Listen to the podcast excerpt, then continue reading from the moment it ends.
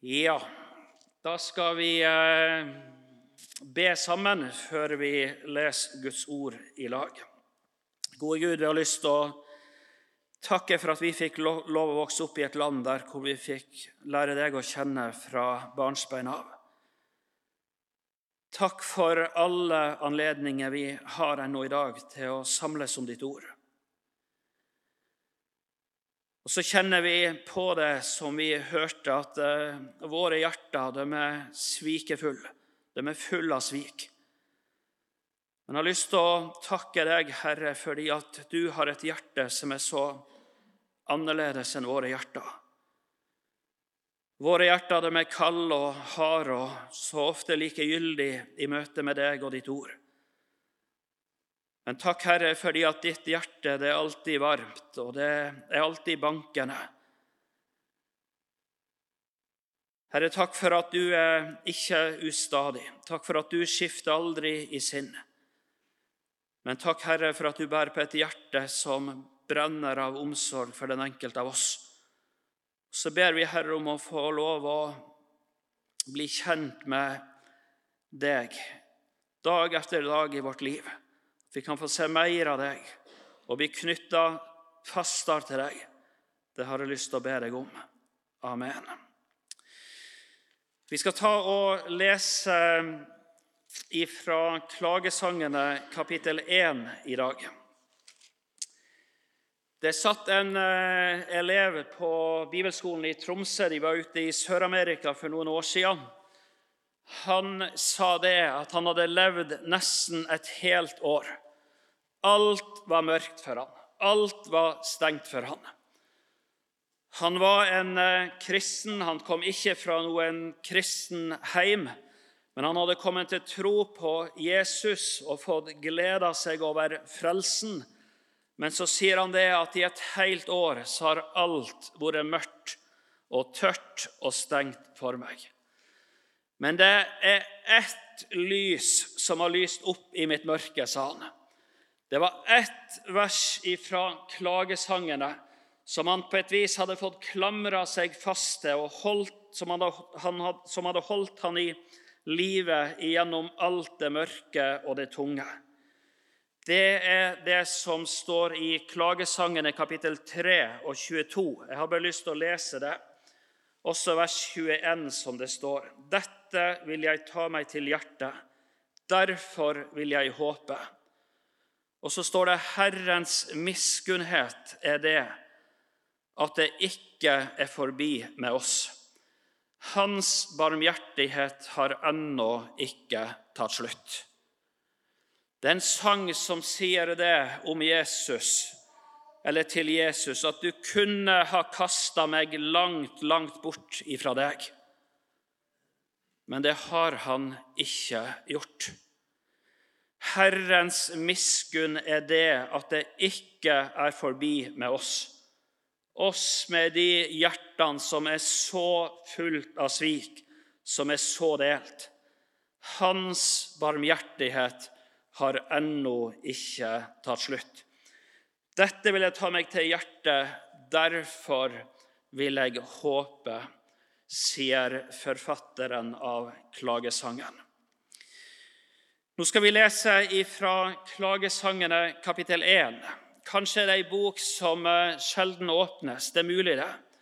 Eh, det er kanskje noe mer forlokkende å kunne åpne en lovsang og lese en lovsang som fylles av jubel og glede. Men jeg er inderlig glad for at det også står noen klagesanger i min bibel at det finnes noen salmer som er full av nød og rop til Gud, også når alt er mørkt og vanskelig i livet. Og jeg har lyst til å si det, at jeg tror det at dypest sett så møter du også noe av Jesu nød og Jesu rop løfta fram her i klagesangene, på samme måte som du gjør det i enkelte av salmene. Vel, så er det en historisk kontekst, et menneske som skriver, som opplever trengsel og nød. Men Galaterbrevet sier jo det når den tar oss med inn i en historie i, i første Mosebok, der det skildres en, en, en historie, så sier den det i dette ligger det en dypere mening. Og så fører Skriften oss inn der hvor det er noe som sies som er mer enn den ytre historien. Og slik er det også med noe i klagesangene. Det er noe mer enn et menneskes nød og smerte som bæres fram. Og Jeg har lyst til å lese nå fra den siste setninga i vers 11. Der står det sånn Klagesangen er én, siste setning i vers 11. Se, Herre. Se, Herre. Se hvor foraktet jeg er blitt. Går det dere ikke til hjertet, alle dere som går forbi på veien? Sku og se om det finnes en smerte lik den smerten som er voldt meg den som Herren har bedrøvet meg med på sin brennende vredesdag. Fra det høye sendte han ild i mine ben og lot den råde. Han spente ut garn for mine føtter, han støtte meg tilbake, han gjorde meg elendig, syk hele dagen. Mine overtredelser er festet på meg som et åk. Ved hans hånd er de knyttet sammen og lagt på min nakke. Han har brutt min kraft. Herren har gitt meg i hendene på dem som jeg ikke kan stå meg imot. Se, Herre, se, Herre, se hvor forakta jeg er blitt. Forakt, det er kanskje noe av det aller, aller tøffeste et menneske kan oppleve i sitt liv sånn rent menneskelig sett. Det vet sikkert noe av dere noe om, også dere som er små, dere som er unge, og oss som har levd noen år i denne verden. Det å bli forakta, det å ikke bli regna med, det å på et vis bli støtt ut, det å ikke få eie noe tilhørighet Se, Herre, se hvor forakta jeg er blitt, står det i klagesangen 1.11. Det er en klagesang. Det er et nødrop. Det er et hjerte som tømmes ut. Se hvor forakta jeg er blitt. Og det skal vi jobbe for, at det ikke er utenforskap og slike ting i vårt samfunn, i vårt land. Heller ikke på våre bedehus og forsamlinger. Det går mange, mange også i våre sammenhenger som opplever forakt fordi at de er slik som de er, fordi at de tenker slik som de tenker, eller hva det enn måtte være. Samtidig er det ingen, ingen mennesker som har opplevd en slik forakt i denne verden som Jesus Kristus opplevde. Han kom ifra en himmel der alt var rent. Han kom ifra en himmel der sangen tona, der alt var hellig, der alt var fritt for synd og det som er vondt og skittent. Alt var rent. Han var sentrum i Guds himmel. Og Så kommer han ned i denne verden, og så lever han over 30 år her nede. Og så møter han forakt, så møter han misforståelser. Så møter han at mennesker ikke vil ha noe med han å gjøre.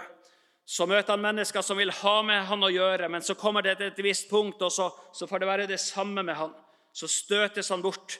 Han møter mennesker som vi også snakka litt om i går, som, som, bare var opptatt av å skyve han vekk, bli ferdig med han, få drept han, få gjort det stilt på et vis, slik at man slapp alle de ordene som så ofte ramma så dypt i samvittigheten. Jesaja kapittel 53 sier det sånn, vers 3. Det samler på et vis opp Jesu sitt liv her i denne verden. Jesaja 53, 3, så står det 'Foraktet var han'. Foraktet var han. Og Nå er det på spansk sånn at når du taler i fortid, altså i det som ligger bak, så kan du bruke ett verb, en form av verbet som sier noe om det som skjer en og annen gang. Og så kan du bruke et annet verb, som, eller annen form av verbet som sier noe om det som skjer kontinuerlig, altså hele tida. Og det er det, den verbformen som brukes i den spanske bibelen når du er inne i Jesaja 53. Foraktet var han. Ikke den tirsdagen i det året eller den lørdags ettermiddagen i den hendelsen, men hele sitt liv så sier Bibelen at han var forakta. Han var forakta. Og Så kan vi gjerne synes det er trist å se mennesker rundt oss som, som har så liten plass til Jesus, som har så lite syn for Jesus. Vi kan fortviles i møte med barnehager og skoler og utdannelsesinstitusjoner og media som bare vil ha Jesus bort. Og vi kan gråte på et vis over den forakt som han vises. Men fortsetter vi inn i kapittel 53 og vers 3, så sier profeten at det var vi som forakta han. Vi akta han for intet. Og det er den samme formen av verbet som brukes. Den kontinuerlige forakten for han, Messias, frelseren, som kom til vår redning. Vi akta han for intet. Jesaja han sier ikke det at de andre de akta han for intet. Men han sier det at vi, og han taler om Guds folk, han taler om den, den, den, den ytre forsamling i, i, Israel. Vi akta ham for intet, står det. Du husker kanskje en ugudelig prest som heter Eli. Han hadde to sønner som uh, Unnskyld, du hørte en prest som het Eli. Han hadde to ugudelige sønner som begge var prester. De levde i fråtseri. De drev hor ved tempelinngangene. Dømmes synd oppsummeres i første Samuels bok. Og da er det verken horeri eller fråtseri som løftes fram. Men da står det det at de ringeakta Herrens offer. De forakta Herrens offer. De så så smått på Herrens offer. Det er den synd som løftes fram når det tales om Eli sine to sønner. De som var kjent for å drive hor, de som var kjent for å rive til seg kjøttet fra kjøttgrytene. De ringeakta Herrens offer. Hva er Herrens offer for noe? Herrens offer, det er Jesus sjøl. Han som ga seg sjøl til et offer. Han som ble gjort til et skyldoffer for oss. Det er ikke rart at en sanger som ber i en sang. Ikke for å skrive noen fine setninger, forme noen flotte linjer som kan rime litt her og der. Men det er en som ber fra sitt hjertes nød, i møte med sitt eget harde hjerte, som har så lett for å se så smått på Jesus og alt det han har gjort. Så sier han det sånn, O Jesus, la mitt hjerte få en sådan smak på deg, at dag og natt du være må, min sjel umistelig. Jeg sier det igjen, det er ikke for å lage noen fine setninger som kan synges noen år, men det er et nødrop fra et hjerte som kjenner at det er så mye kaldt og så mye hardt her inne i møte med ordet om Jesus Kristus. O Jesus, la mitt hjerte få en sådan smak på deg, at dag og natt du være må, min sjel umistelig. Vi klarer oss så godt på eia hans ofte. Vi vil ikke være noen til bry, vi vil ofte ikke være Gud til bry. Og så lever vi og kjemper med vårt eget, og så blir det så lite plass til Jesus og hans verk. Den som sa det sånn at hjertet det kan bli så fylt av kristendom at det ikke er plass til Kristus der. Se, Herre, Se hvor forakta jeg er blitt. Hebreabrevet kapittel 2 sier noe vidunderlig fint. Det står i vers 7 For en kort tid stilte du ham lavere enn englene. Det tales om Jesus. Men med ære og herlighet kronte du ham og satte ham over dine henders gjerninger. Men med ære og herlighet kronte du han. Og så står det også i andre Peters brev eh, noe om akkurat det. Andre Peters brev. Han ble krona med ære og herlighet. Du ser han på langfredag der han står krona med ei krone av torner. Det simpleste, det usleste, det minste som fantes her i verden. Det minst verdifulle som var. De fletta ei krone av torner, og så trette de ned den ned over Jesu sitt ansikt. Og så sier hebreerbrevet det at Jesus han ble krona med ære og herlighet. Og Så går gjerne tanken vår til oppstandelsen, til himmelfarten, til det vi bekjenner i vår trosbekjennelse, at han for opp til himmelen og satte seg ved Gud, den allmektige Faders høyre hånd krona med ære og herlighet. Men når ble Jesus krona med ære og herlighet? Nå skal du høre det som han Peter sier. Vi skal slå opp i, første, i 2. Peters brev, i det første kapittel, og så står det sånn i vers 17. For han fikk ære og herlighet av Gud Fader. Ikke av mennesket, men han fikk ære og herlighet av Gud Fader.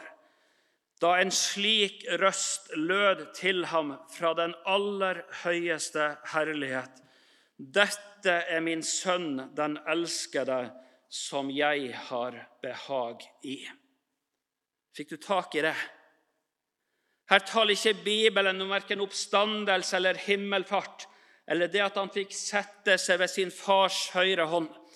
Men Bibelen sier i det at Jesus får høre det sagt eh, Dette er min sønn, den elskede, som jeg har behag i. Da ble han krona med ære og herlighet. Da fikk han ære og herlighet av sin far. Ja, hva tid skjedde det? Her refererer Peter også der, der, der, han sier det i vers 18.: Og denne røsten hørte vi lyde fra himmelen da vi var sammen med ham på det hellige fjell. Og Så kan du åpne Lukas 9 eller Matteus 17, og så kan du lese om disse disipler som får se Jesu ansikt forvandla. De ser opp og ser bare Jesus alene. Men det var ikke den eneste gang at denne røst lød utover vår jord og over Jesus der han sto. Det møter vi også i forbindelse med at Jesus ble døpt, som vi kan lese om i Matteusevangeliet kapittel 3. Matteus kapittel 3 så står det sånn vi kan lese fra vers 13 og utover. Da dro Jesus fra Galilea til Jordan og kom til Johannes for å bli døpt av han. Men Johannes nektet ham det og sa, 'Jeg trenger å bli døpt av deg, og du kommer til meg.' Men Jesus svarte og sa, 'La det nå skje, for slik er det riktig av oss å fullføre all rettferdighet.' Da lot han det skje. Da Jesus var blitt døpt, steg han straks opp av vannet, og se, himmelen åpnet seg for ham. Og han så Guds ånd stige ned som en due og komme over ham. Og se, det lød en røst fra himmelen. Dette er min sønn, den elskede. i ham har jeg velbehag. I ham har jeg velbehag. Og så krones Jesus med ære og herlighet når han stiger opp av Jordans vann, og himmelen åpner seg. Og så roper Gud inn i denne verden at han har jeg velbehag i. Han må du låne øre til. Hør han, står det i en, disse, i en annen av disse tekstene der de samme ord lyder. Hva var det som var skjedd? Jesus han var døpt. Han var ikke døpt i det som er den kristne dåp, som senere ble innstifta. Han ble døpt med Johannes dåp, som er noe helt, helt annet enn den kristne dåp.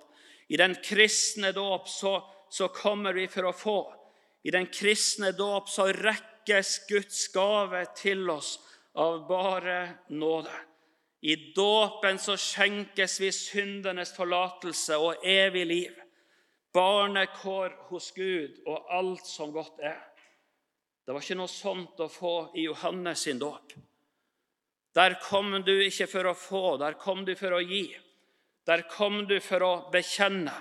Der kom du for å legge noe av. Og den som kom for å bli døpt etter at hjertet var berørt av, av lovens røst, de hadde ting de måtte få bekjenne. Og så steg de ut i vannet etter at syndene var bekjent. Og Så blir det så forunderlig når Johannes ser Jesus komme. Det er jo jeg som trenger å bli døpt av deg. Hvordan skal, hvordan skal, hvordan skal, kunne, hvordan skal du bli døpt av meg? Han hadde jo ingenting å bekjenne. Han hadde ingenting å bekjenne. Han hadde jo bare vært god. Han har gjort alle ting vel, var ryktet som gikk i Galilea. Hva skulle han bekjenne? Og så sier Jesus at det må skje, slik at all rettferdighet kan skje fyldes.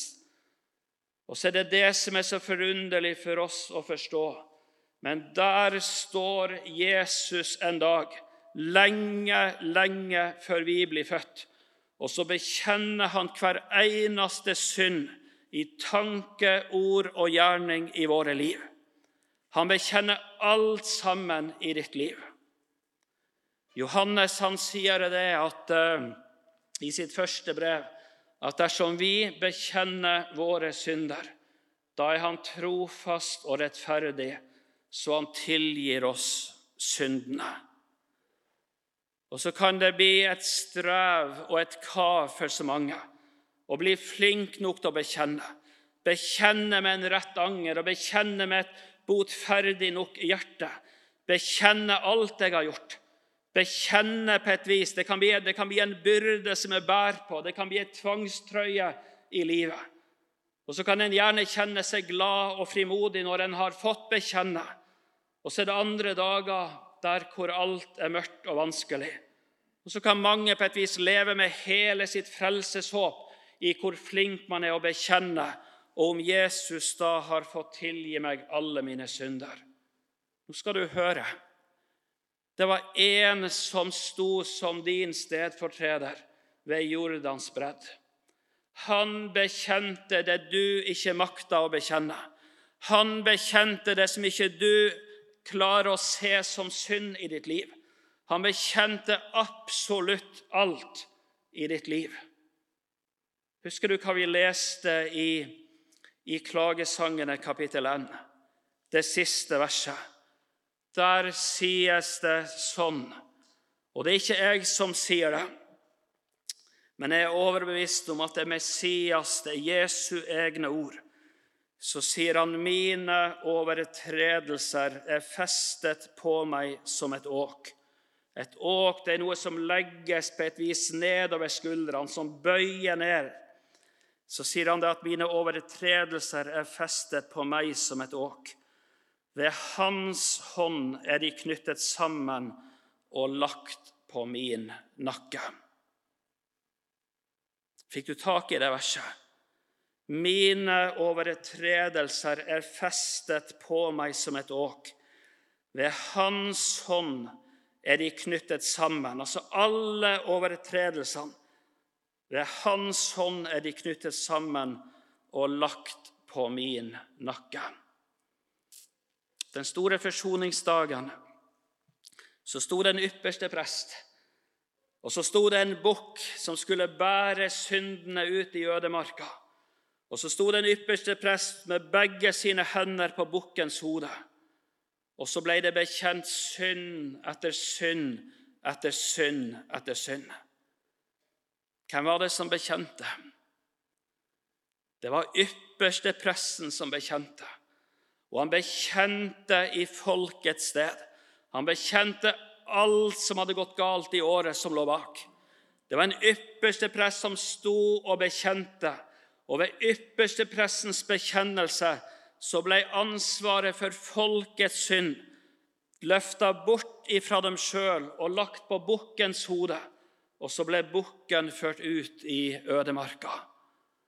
Og skulle Gud holde et oppgjør med synda, så var det ikke folk han gikk på leiting etter, men det var det bukken han måtte finne tak i. Det var han som bar ansvaret. Ved hans hånd er de lagt sam, knyttet sammen og lagt på min nakke. Vi tenker så lett motsatt. At det er vi på et vis som skal bære alle våre synder til Jesus. Det er vi som liksom skal løfte syndene våre bort fra våre skitne, svikefulle hjerter og få lagt dem på Jesus. Og klarer vi på et vis å få, få lagt ei synd på han, så, så ligger synda på han. Men det du ikke klarer, da, det du ikke makter Det er en som sier det i sitt ord, at ved Hans hånd, ved Guds hånd, så ble alle våre overtredelser lagt på Jesu sin nakke. Han som er oppfyllelsen, eller han det pekes fram på i den bukken som vi møter i, i 3. Mosebok 16. Både den levende og den som, som, skulle slaktes, og den som da etter hvert skulle bære syndene ut. Det er noe vidunderlig fint i dette verset som vi har lest. Det står ikke 'deres overtredelser er festa på meg som et åk'. Det står ikke 'folkets overtredelser er festet på meg som et åk'. Det er ikke en som står og roper ut til folket at 'dine overtredelser er festa på meg som et åk'. Men det er en som sier 'mine overtredelser'. Den som sier 'mine overtredelser'. Han som ingen, ingen gang, aldri noensinne, hadde trådt over ei grense og synda imot Guds vilje. Aldri. Aldri hadde han gjort det. Han som aldri var falsk. Han som aldri ga et løfte uten å holde ord. Han som alltid var god og lydig i alle ting. Han som elska Gud av all sin kraft, av all sin vilje, av all sin sjel. Han som bare var god. Han snakker om mine overtredelser. Og Det er jo det som er så utrolig stort, at når Jesus står der ved Jordan elv, så tenker han på alt som gikk galt i ditt liv. Alt som sitter så fast i mitt liv. Hele mitt hjerte som er så fullt av skit og svik. Og så tar han alt dette på seg sjøl som om det var han sjøl som hadde forvoldt all den skade som ligger etter oss i vår vandring i denne verden. Og så sier han 'mine overtredelser'. Mine overtredelser, sier han. Og så stiger han opp av vannet, og så er det at himmelen åpner seg. Og så ropes det ifra himmelen at dette er min sønn, den elskede. I ham jeg har velbehag. Det er Guds lam som bærer verdens synder. Likevel er det en Gud som roper at 'Han har jeg velbehag i'. Han har jeg velbehag i. Han står der som bærer, som ansvarlig av alle våre synder. Gud hater synd. Likevel så roper han det ut til oss at han har han velbehag i. Jesus han sa jo det når han kom inn i denne verden. Se, jeg kommer. Hebreerne 10, vers 7. Se, jeg kommer. I bokrullen står det skrevet om meg. Se, jeg kommer, sier han, for å gjøre din vilje, Gud. Og så repeteres det to-tre vers lenger ned. Se, jeg kommer for å gjøre din vilje. Det var Guds vilje. Det var Guds plan. Det var Guds redning for den enkelte av oss at Jesus skulle stille seg med ansvaret for alt det som vi har gjort galt. Andre så det. Andre så han. Så ikke noe spesielt i han. Men Gud kronte han med ære og herlighet i det denne røst lød, sier Peter. Krona med ære, med herlighet. Og så bærer han alle våre synder. Vi skal ta med et vers fra, ifra Matteus 8, er det vel. Der står det bare sånn i vers 17.: For at det skulle bli oppfylt som er talt ved profeten Jesaja, som sier:" Han tok på seg våre plager. Hørte du det? Han tok på seg våre plager. Det var ikke det at vi kasta alle våre plager over på han. Men det var han som kom, det var han som tok alle våre plager. Og så bar han alle våre plager, alle våre sykdommer, alle våre synder.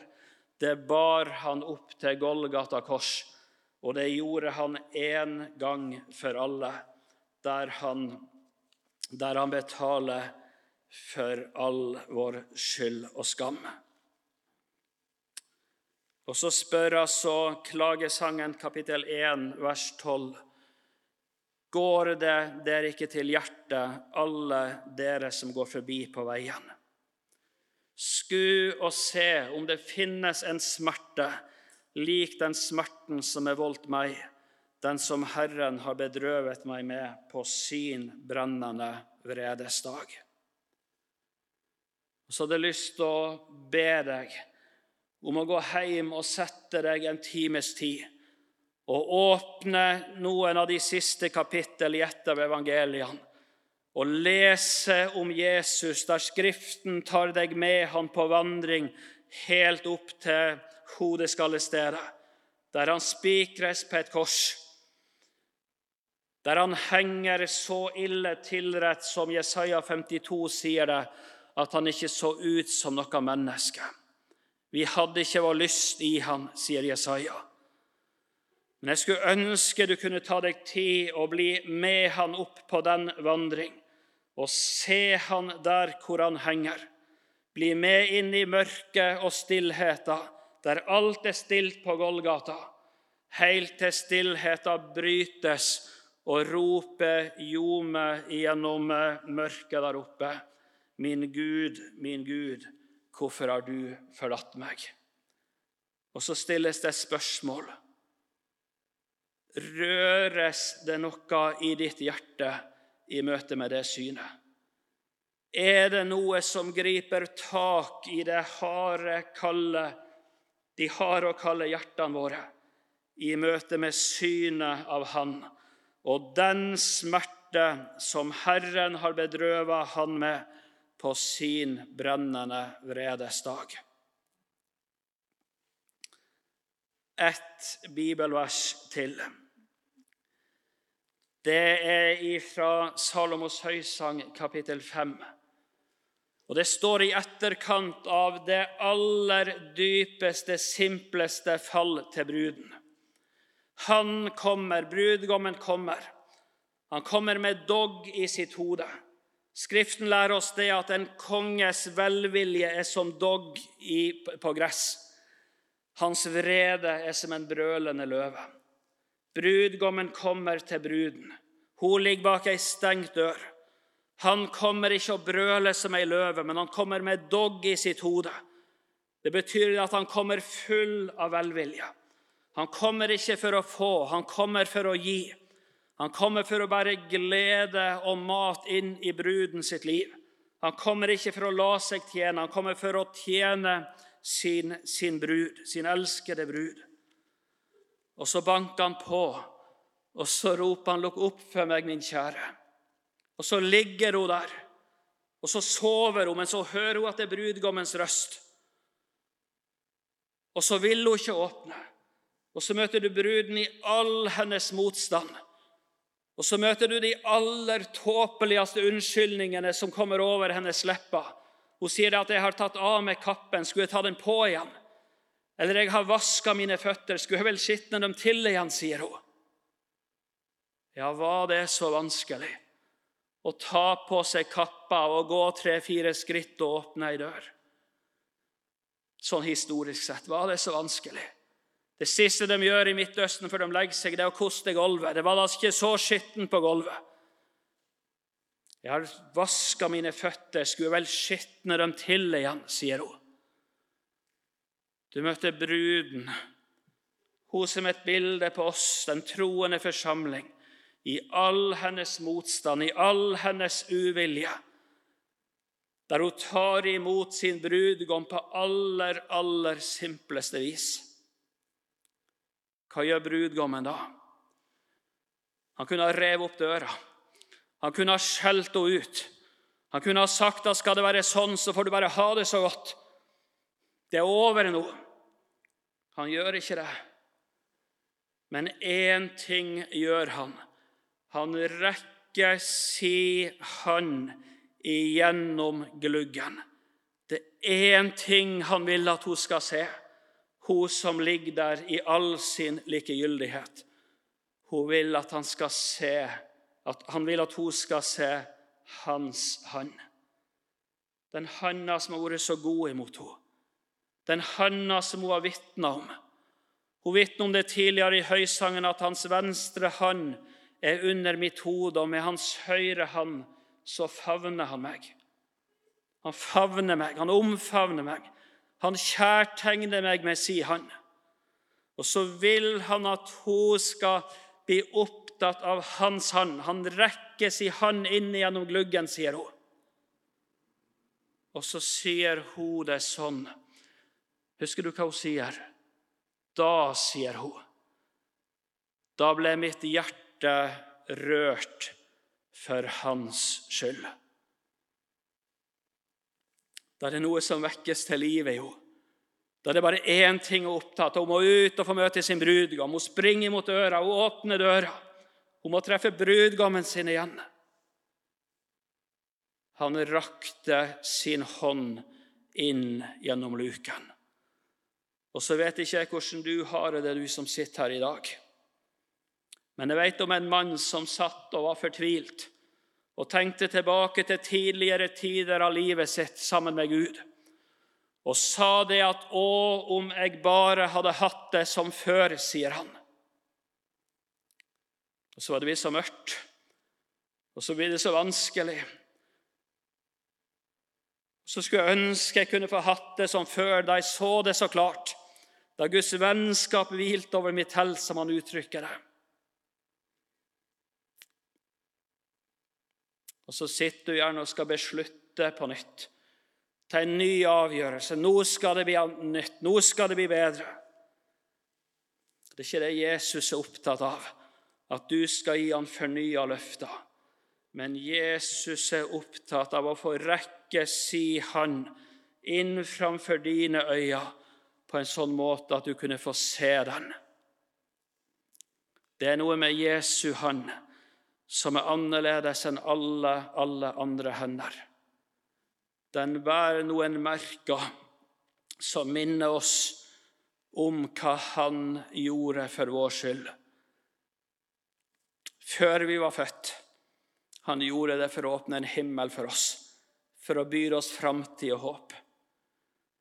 I den handa så står det et navn tegna. Det sier Jesaja 49. Se, i begge mine hender har jeg tegna deg. Der står ditt navn tegna inn i naglegapene til et vitnesbyrd om at det var for deg alt sammen. Den sanger som sier det sånn, jeg stend og ser på ei nagla hand. Hun spikra til krossen vart. Jeg stender og ser på ei nagla hand. Min frelser, det var for meg. Og difor ikke jeg anna kan enn tilbe og elske deg. Går det deg ikke til hjertet, spørres det i klagesangen, du som går forbi på veien. Se den smerte som Herren har forvoldt meg på min ulykkes, på sin brennende vredes dag, står det. Og så helt til slutt ei lita historie.